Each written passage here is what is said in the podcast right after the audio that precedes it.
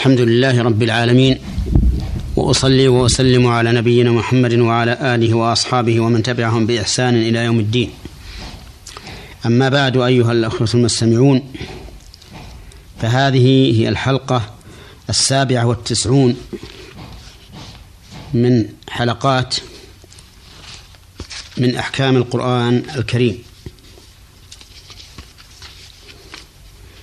قال الله تبارك وتعالى وقالت اليهود ليست النصارى على شيء وقالت النصارى ليست اليهود على شيء وهم يتلون الكتاب. كذلك قال الذين من قبلهم كذلك قال الذين لا يعلمون مثل قولهم فالله يحكم بينهم يوم القيامة فيما كانوا فيه يختلفون. اليهود هم أتباع موسى عليه الصلاة والسلام. والنصارى أتباع عيسى عليه الصلاة والسلام. وكل منهما يضلل الآخر كما في هذه الآية الكريمة. قالت اليهود ليست النصارى على شيء وقالت النصارى ليست اليهود على شيء. يضلل بعضهم بعضا وهم يتلون الكتاب ويعلمون من هو على الحق. ولا شك أن النصارى كانوا على الحق حين كانت ملتهم قائمة قبل بعثة الرسول صلى الله عليه وآله وسلم وأن اليهود كانوا على باطل حيث كفروا بعيسى عليه الصلاة والسلام مع أنه مرسل إليهم. لقوله تعالى وإذ قال عيسى بن مريم يا بني إسرائيل إني رسول الله إليكم مصدقا لما بين يدي من التوراة ومبشرا برسول يأتي من بعد اسمه أحمد. وبعد أن بعث النبي صلى الله عليه وآله وسلم كانوا كلهم على دين منسوخ وليسوا على شيء. فإن الله تعالى يقول ومن يبتغي غير الإسلام دينا فلن يقبل منه وهو في الآخرة من الخاسرين. وكانوا أولياء بعضهم لبعض. كما قال الله تعالى يا أيها الذين آمنوا لا تتخذوا اليهود والنصارى أولياء بعضهم أولياء بعض. وصارت النصارى كاليهود في كونهم علموا الحق ولم يتبعوه. قال الله تعالى كذلك قال الذين لا يعلمون مثل قولهم أي قال أهل الجهل والضلال مثل قولهم أي في أنهم على الحق ومن سواهم على الباطل وليس على شيء فالله يحكم بينهم يوم القيامة فيما كانوا فيه يختلفون. إذا بعث الناس فإن الله يفصل بين الخلق من هو على حق ومن هو على باطل. في هذه الآية الكريمة من الأحكام والفوائد بيان عداوة اليهود بعضهم لبعض بيان عداوة اليهود والنصارى بعضهم لبعض وأن كل طائفة منهم تضلل الطائفة الأخرى. ولكن هذه العداوة بعد بعثة, بعثة محمد صلى الله عليه وآله وسلم صارت ولاية كما قال الله تعالى والذين كفروا بعضهم أولياء بعض وقال تعالى وقالت اليهود وقال تعالى يا أيها الذين آمنوا لا تتخذوا اليهود والنصارى أولياء بعضهم أولياء بعض ومن فوائد هذه الآية وأحكامها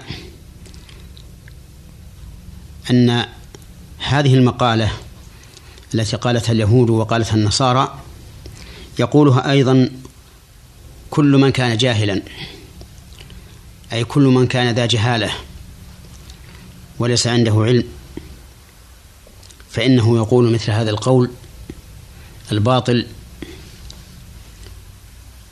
الذي يريد أن يدحض به الحق.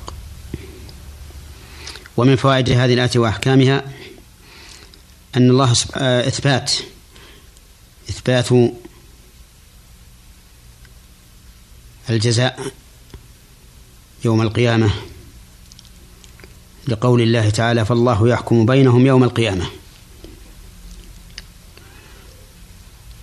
ومن فوائدها وأحكامها أن الذين اختلفوا في الكتاب وفي الرسل سوف يقضي الله تعالى بينهم يوم القيامة ويبين من هو على على الحق ومن هو على الباطل. وقد ذكر الله سبحانه وتعالى في سورة النساء أن أن الله يحكم بين الناس ولن يجعل للكافرين على المؤمنين سبيلا.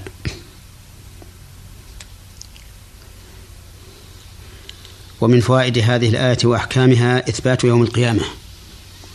وهو اليوم الآخر. والإيمان به أحد أركان الإيمان الستة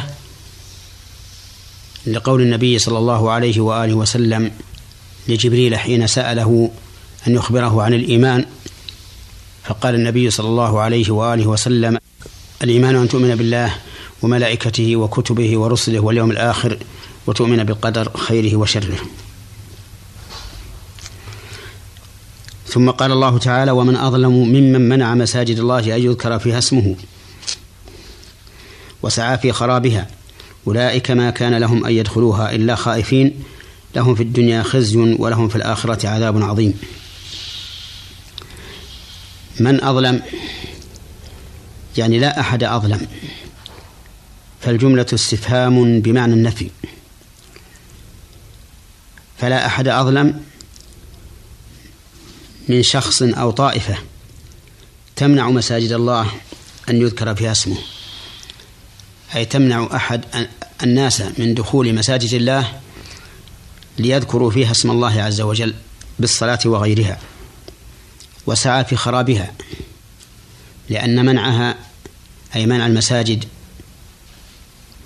أن تدخل ويذكر فيها اسم الله خراب لها.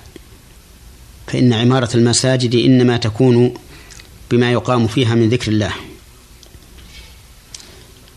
وبين الله عز وجل أن هؤلاء الذين منعوها وكان لهم السلطة سوف تدور عليهم الدوائر حتى لا يدخلوها إلا خائفين. أي لا يدخلون هذه المساجد إلا وهم في خوف وقلق واضطراب من من المؤمنين الذين آلت هذه المساجد إليهم. وقوله ما كان لهم أن يدخلوها إلا خائفين هذا النفي أن يحتمل أن يكون المعنى ما كان لهم شرعا أن يدخلوها إلا خائفين أو ما كان لهم قدرا أن يدخلوها إلا خائفين. والمعنيان يعني كلاهما صحيح.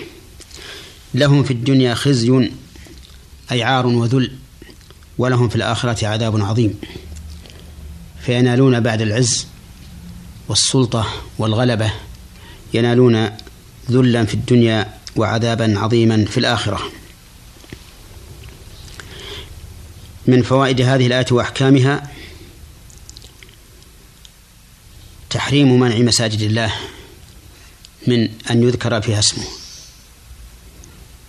ومن فوائدها وأحكامها الإشارة إلى أن المساجد إنما بنيت لذكر الله عز وجل لقوله أن يذكر فيها اسمه. وقد جاءت السنة مصرحة بذلك.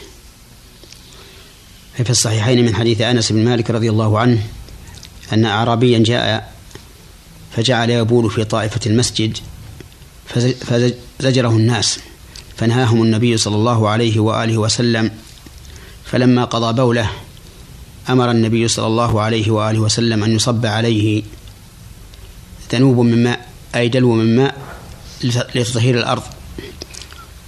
وقال للأعرابي إن هذه المساجد لا يصلح فيها شيء من الأذى والقدر وإنما هي للصلاة والتكبير وقراءة القرآن أو كما قال صلى الله عليه وآله وسلم. ومن فوائدها الإشارة إلى أن ما يتعلق بأمور الدنيا من بيع وشراء وإجارة ونحوها لا يحل إيقاعه في المسجد. ولهذا قال النبي صلى الله عليه وآله وسلم إذا رأيتم من يبتاع في المسجد فقولوا له لا أربح الله تجارتك فإن المساجد لم تبن لهذا.